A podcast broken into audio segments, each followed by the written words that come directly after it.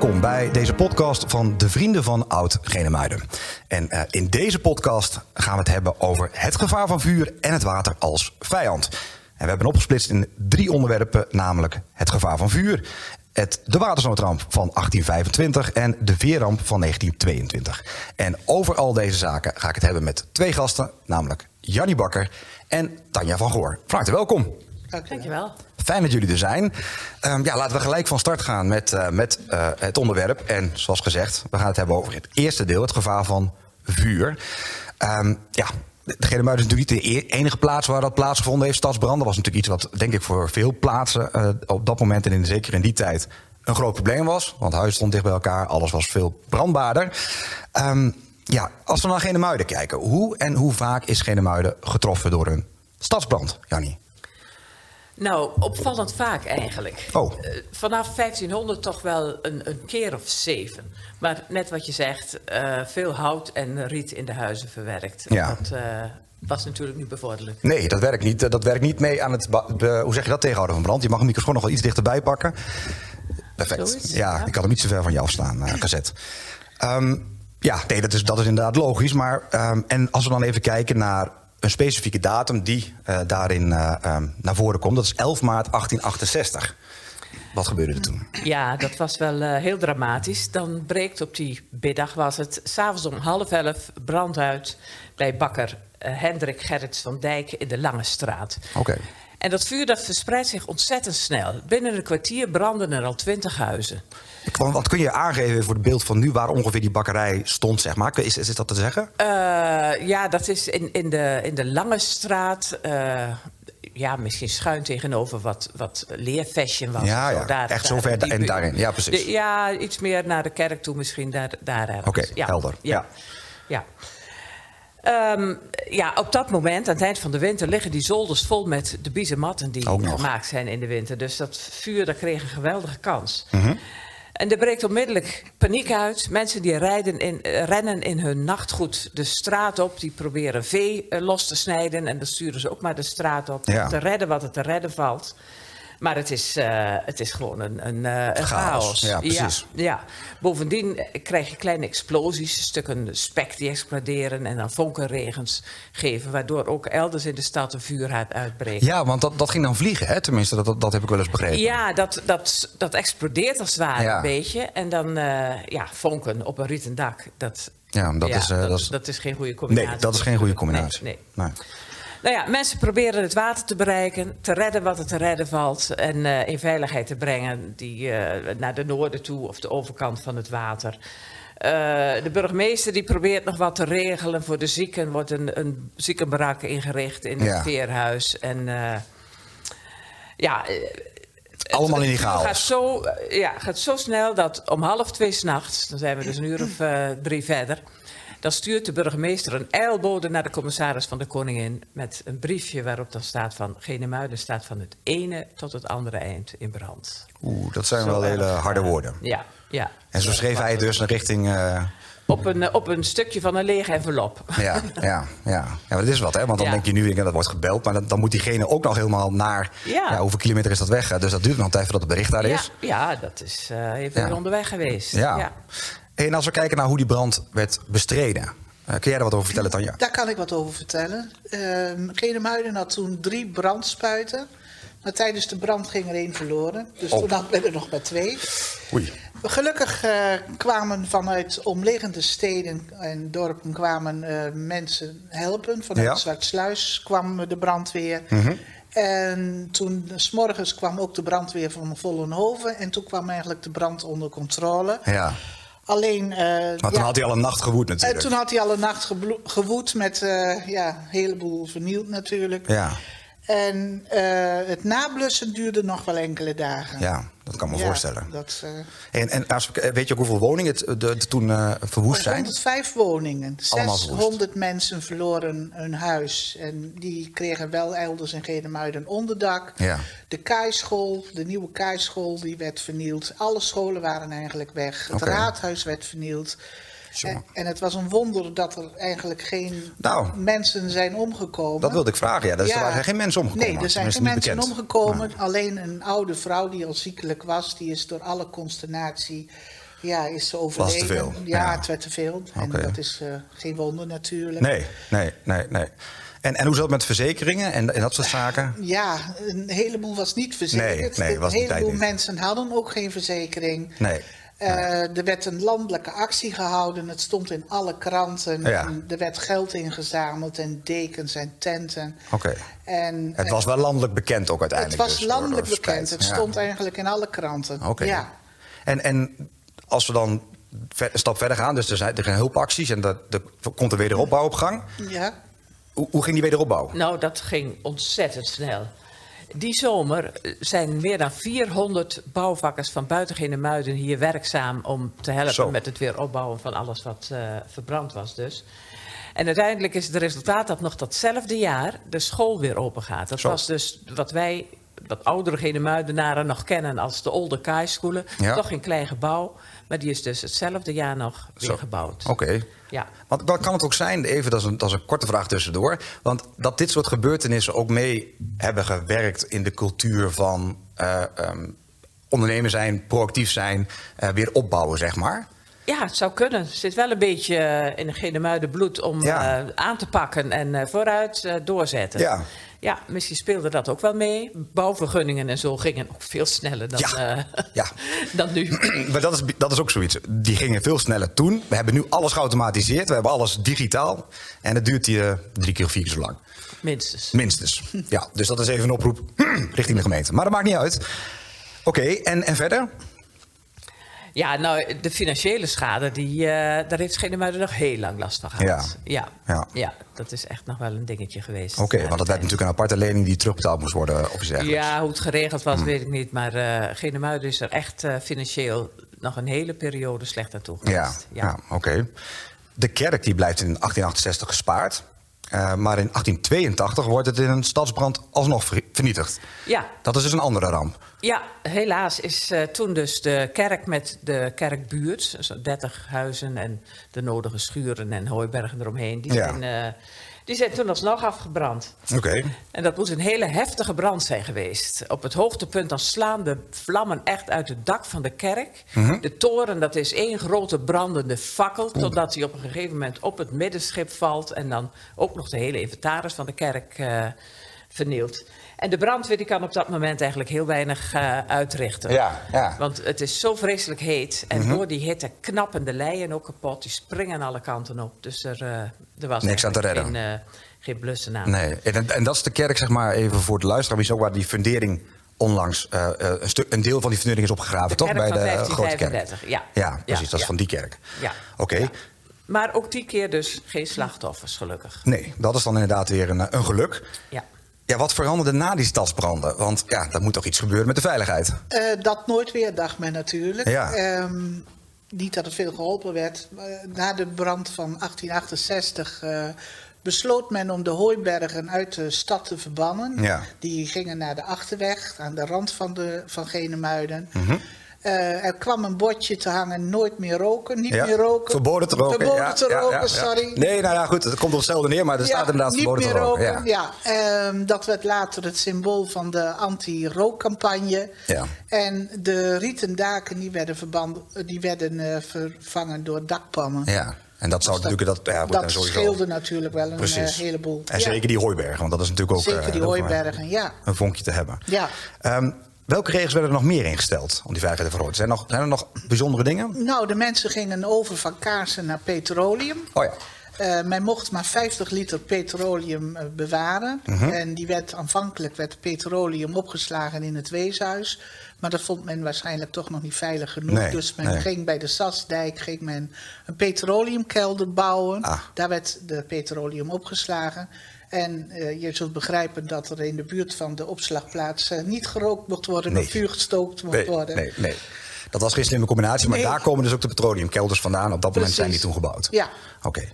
Ehm, we gaan toe naar een andere ramp in uh, de Genemuiden geschiedenis. Namelijk de watersnoodramp van 1825. Wat natuurlijk ook Genemuiden trefte.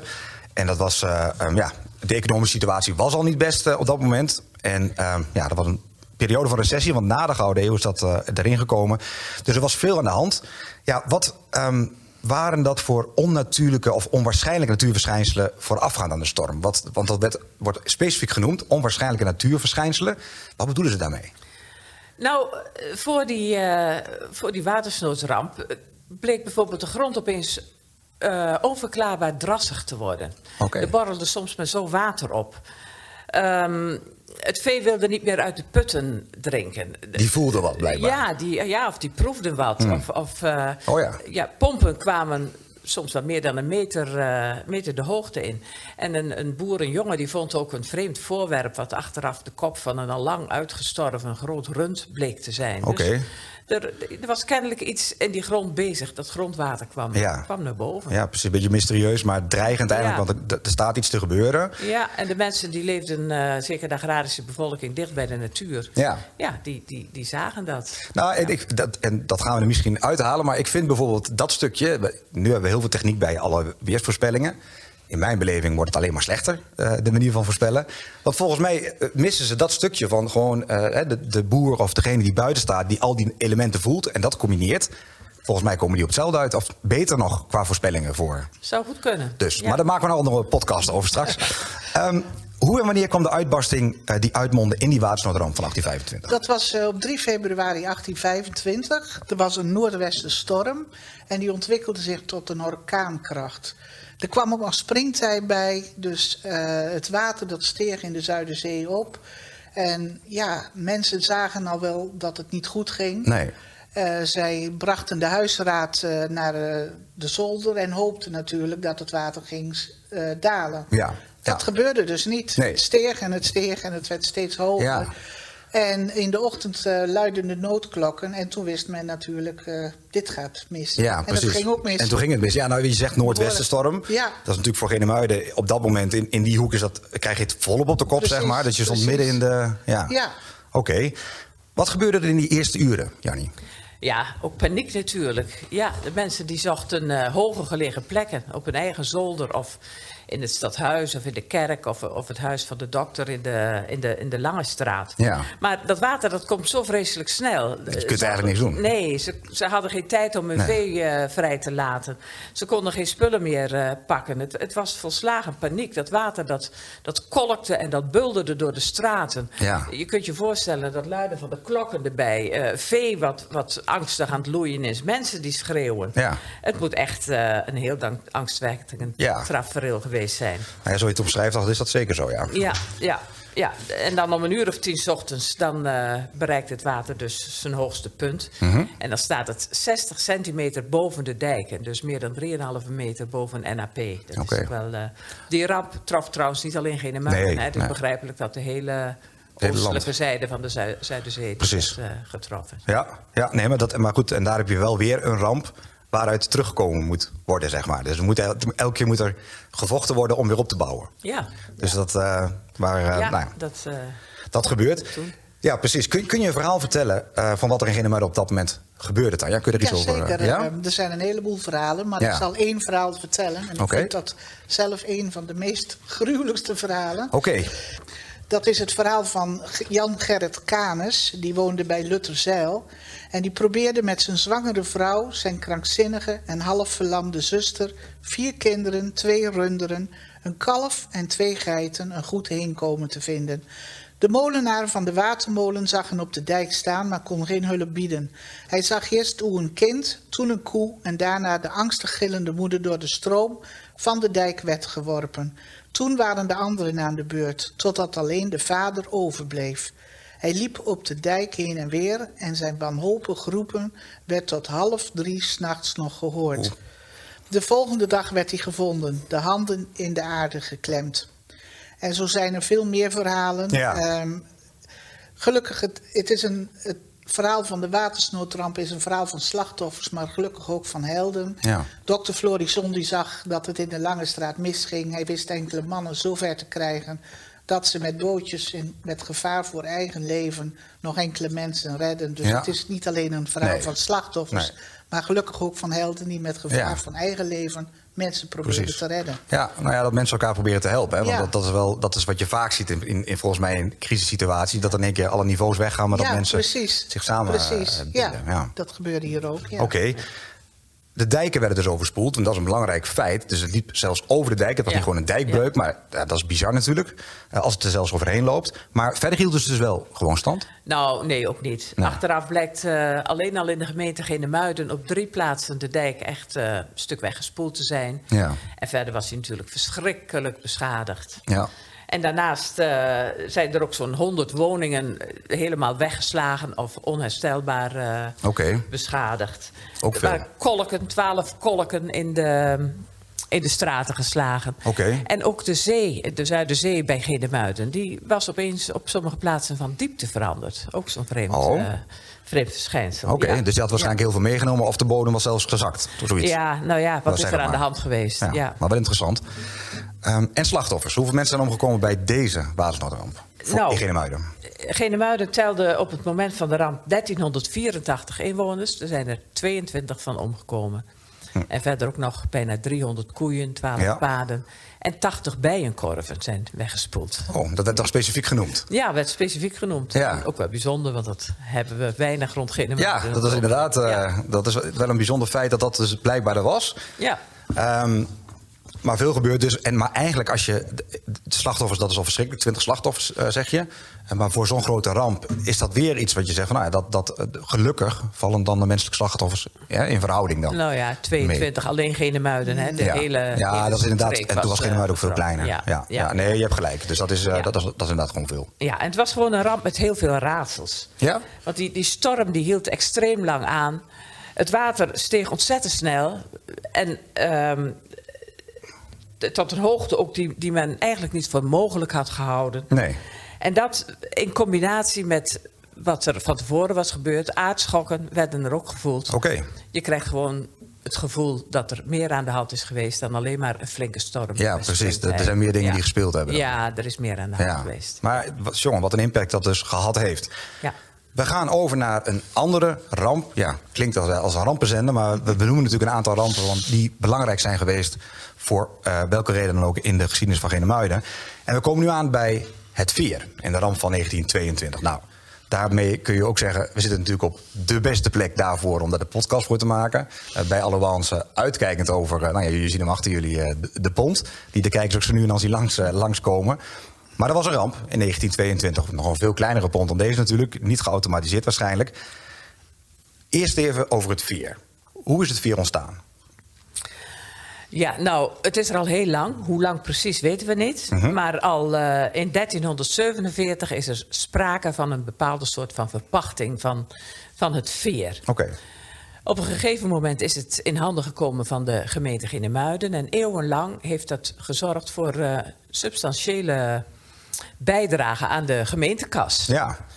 Op een gegeven moment is de gemeente het gaan verpachten. Dus de, de, de, bij de ponten, er was altijd een reservepont, een roeiboot. En het veerhuis met de wachtruimte, die, eh, die werden verpacht. Ja. En dat was best een aantrekkelijke baan om veerbaas te zijn. Ja. Je, je kon het goed exploiteren. Maar het was ook een baan van eh 7 keer 24 uur per week. Hè? Ja, ja. Want je moest op elk moment klaarstaan. En aan de andere kant van het water hing een grote bijl. Ook als die geluid werd. Kon je ja, gaan? Kon je gaan, Ja, moest ja, je ja. uitdrukken. Er stonden nog geen bordjes van tijden, zeg maar. Nee, het nee, was nee, gewoon daar een was geen 24. sprake van. Eh, als die veerman een keer weg moest, dan moest hij wel voor een vervanging zorgen. Ja. Maar je moest er altijd zijn. Ja, maar goed, je kon er wel goed aan verdienen. Dat kon wel, ja. Ja. En ehm, hoe ging het overzetten vroeger? Hoe, hoe was dat? was niet zoals de moderne pont hier waarschijnlijk. Maar hoe, hoe, hoe zag dat eruit? Ehm, nou, het overzetten was niet altijd even gemakkelijk. Zeker bij eh, stormachtig weer was het best wel een eh, gevaarlijke onderneming. Ja. En het was aan de veerbaas om te bepalen of hij de roeiboot nam of de pont. Ja. Ehm, en het was ook aan de veerbaas om te kijken of hij echt over kon gaan, Ja. of dat niet gevaarlijk was. Ja. En het gebeurde natuurlijk wel eens dat er mensen inschattingsfouten maakten. Met eh, bijna niet ongeluk, bij de Mhm. Ja. ongelukken natuurlijk. Ja. Ja. Dat was natuurlijk eigenlijk wat je zegt. Het was, het was ook handwerk, hè? Want je was volgens mij toch handwerk, slepen, zeg ja, maar. Dat, met zo'n, tenminste, ik weet dat mijn opa dat ooit een keer verteld heeft. Ehm, maar dan 1965. Ja, Wat ging er toen mis? Dat ging behoorlijk mis. Bij het veer meldden zich twee vrachtwagens met eh voederbieten. Ja. En de veerbaas die vroeg eh, hoe zwaar die vrachtwagens waren. En de vrachtwagenchauffeurs die gaven een, een te laag gewicht op. Oeh, Nou, bewust of Ik vermoed het wel dat Ja. ze het eh, bewust hebben gedaan. Nou, dacht de veerbaas, eh, die beide vrachtwagens die kunnen wel op de pont met z'n tweeën. Ja. Nou, dat ging behoorlijk mis, want eh, de pont die eh, kapseisde. Oei. En de veerbaas en de twee vrachtwagenchauffeurs die konden zichzelf redden door naar de overkant te zwemmen. En er was ook nog een bijrijder die had zich aan de mast van de pont vastgeklemd. Oh. Die werd gelukkig gered. Ja, want die stond Dus nog het boven water, zeg maar. Het liep goed af, maar het had natuurlijk best anders af Nou, kunnen lopen. nou ja. en dan zeg je, waarom niet gewoon eerst één dan de ander? maar ja, het, waarschijnlijk tijd en dacht van nou Ja. vooruit, eh, ja, we gaan allebei op de pont. maar achteraf zie je dat inderdaad. Ja, dat hadden ze beter niet kunnen doen. Nee, maar dat is vrij kort geleden in verhouding natuurlijk met de ramp van 1922. Ehm, wat gebeurde er toen, Jannie? Ja, toen ging het eh, ook heel erg mis dus. Het was eh middag. Mhm. Ja. Hè, dus een dag dat nogal wat mensen eh, op bezoek gingen, weggingen en zo. Ja. En tegen de avond kwam de tram vanuit Zwolle weer aan bij de Mhm. Noorden. En de veerbaas die wilde de mensen op gaan halen. Maar nu was die middag een geweldige zuidwestenstorm opgestoken. Oké. En Tanja zei het al, de veerman die bepaalde eigenlijk... en die besloot dat het beter was om met de roeiboot te gaan. Oké, Hij komt naar de overkant, er staan twaalf mensen te wachten, waaronder de burgemeester met zijn vrouw. Mhm. En mevrouw ziet het niet zitten om in de roeiboot te stappen en die vraagt om toch de pont te halen. oh. Die, want de, de, veer, de, zeg maar, de roeiboot was niet Nee, die genoeg. dat allemaal te griezelig en zo, Oh. denk ik. En met z'n allen in een roeiboot dat water over. Ja. De pont is dan toch wat forser en zo, dus het leek haar beter. Oké, burgemeester valt haar bij. En ja, wat kan de veerman dan nog doen? Die moeten dus pachten van de gemeente. Als Ja. hij weigert om die pont te halen. Dus eh, hij doet dat. Hij haalt de pont op. En voor de zekerheid neemt hij toch de roeiboot maar weer. Die, die bindt hij eraan vast. Die neemt hij ook nog weer mee naar de overkant. oké.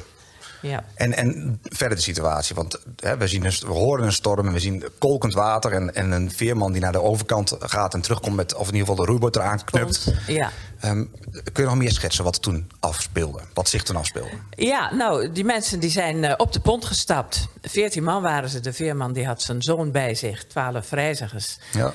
En dat kost al heel veel moeite om, om los te komen van de wal. Maar als er 20 meter het water op zijn, dan duwt die geweldige storm, die duwt die pont tegen die kabel aan. Het, de rivier in, hè, richting Ja, het sluis. En dan wil hij niet meer voor of achteruit. Gewoon klem. Er staan acht volwassen mannen op die pont, die allemaal proberen om hem in beweging te krijgen. Lukt niet. Ze proberen hem uit de katrol te lichten, zodat hij Los van de... uh, uit één katrol en dan op die andere, ja, dan zou Ja, dan hij loopt hij niet klem. Ja, precies, dan Dan hij zou die naar ja. de andere kant gegierd zijn, maar dat lukt ze ook niet. Nee. Dus er zit niks anders op dan toch maar in die roeiboot te stappen. Mhm. Een van de reizigers, de postbode Timmerman, die ziet dat niet zitten. Die eh, gaat zwemmend terug. En dat is een redding dus eh, geweest. Maar die ziet dan ook vanaf de andere kant wat er allemaal gebeurt. Want als bijna iedereen in die roeiboot zit... dan komt er een geweldige golf en die slaat over de boot heen. En, en tilt hem als het ware op. Nou, dat, die, hij zit nog vast aan de pont, wat er precies gebeurd is. Maar in ieder geval, hij kapseist. Ja, ja. Alle mensen raken in het water en maar een paar zien kans om zich nog weer aan de pont vast te klemmen. Ja. Maar ook die pont die raakt los van de kabel en die gaat drijven. En ja, aanvankelijk eh, zitten er nog vijf mensen aan vastgeklemd, maar drie ervan moeten toch ook loslaten. Die kunnen het niet En vasthouden en nee, drinken nee, ook. nee. hè, de- de- je moet je voorstellen, die pont is ook overspoeld. Ja. En dan zo'n storm op het zwarte water. Ze zitten echt vastgeklemd aan balken en zo houden eh, de laatste koud twee natuurlijk met zich. water ook nog, dus, eh, middag, ja. Ja, ja, ja. Oké. En die pont die loopt uiteindelijk bij de velden ergens vast in het riet. Ja. En dan blijken er nog twee mensen eh, Op, te zitten. die de het velden is dan, waar is de velden ongeveer op het Zwarte ja, Water? dat is nog, voor, nog voorbij Zwartsluis. Oh, dus oké, tussen ja. Sluis en Hasselt. Ja, precies. Oké. Ja. Ja, en dan eh, de avond en de dagen daarna. Wat vond er toen allemaal plaats? Eh, de dagen daarna, ehm, de eerste slachtoffers werden geborgen. Ja, Na zes weken werd het laatste slachtoffer nog geborgen. oké. Ehm, ja, en eh, later is de pont ver- vervangen door een stalen exemplaar. Mhm. Het kreeg ook een motor. En later is in 1950 is de exploitatie overgenomen door de Noordwesthoek. Ja, en toen, eh, en toen kwamen we richting deze pont, zeg maar. Toen kwam men richting deze pont, ja. ik- dat is wel grappig, want ik zie dat nu. We hebben natuurlijk ook een tijdje altijd nog discussie over de kleuren gehad. Hè? Want, eh, want Oh. dit, was, dit is een beetje de originele kleursetting zoals die in het begin was, vroeger. En dat is toen veranderd toen een keer een andere bus stond. Met in Oh, één ja, keer ja, blauw hè, met paard. Dat was niet onze pont. Dus nu zijn we weer een beetje terug eh, bij, eh, bij onze roots. Precies. Nou, dat speelde zich dus die dag af. Een gigantisch ja, drama eh, eh, midden op het water. Wat gebeurde er verder die avond en de dagen daarna? nou, de postbode Timmerman die had zich dus weten te redden. En die ging hulp halen. Mhm. Dat was die eerste de man die ging ja, zwemmen. die Ja. ging zwemmen. Oké.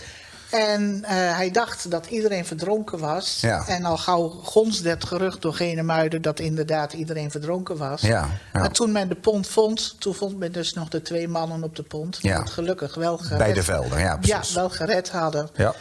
En ehm, ja, die laatste slachtoffers, eh, of de slachtoffers die werden geborgen. Mhm. Het eerst eh, de vrouw van de burgemeester, die vonden ze dezelfde avond nog. Mhm.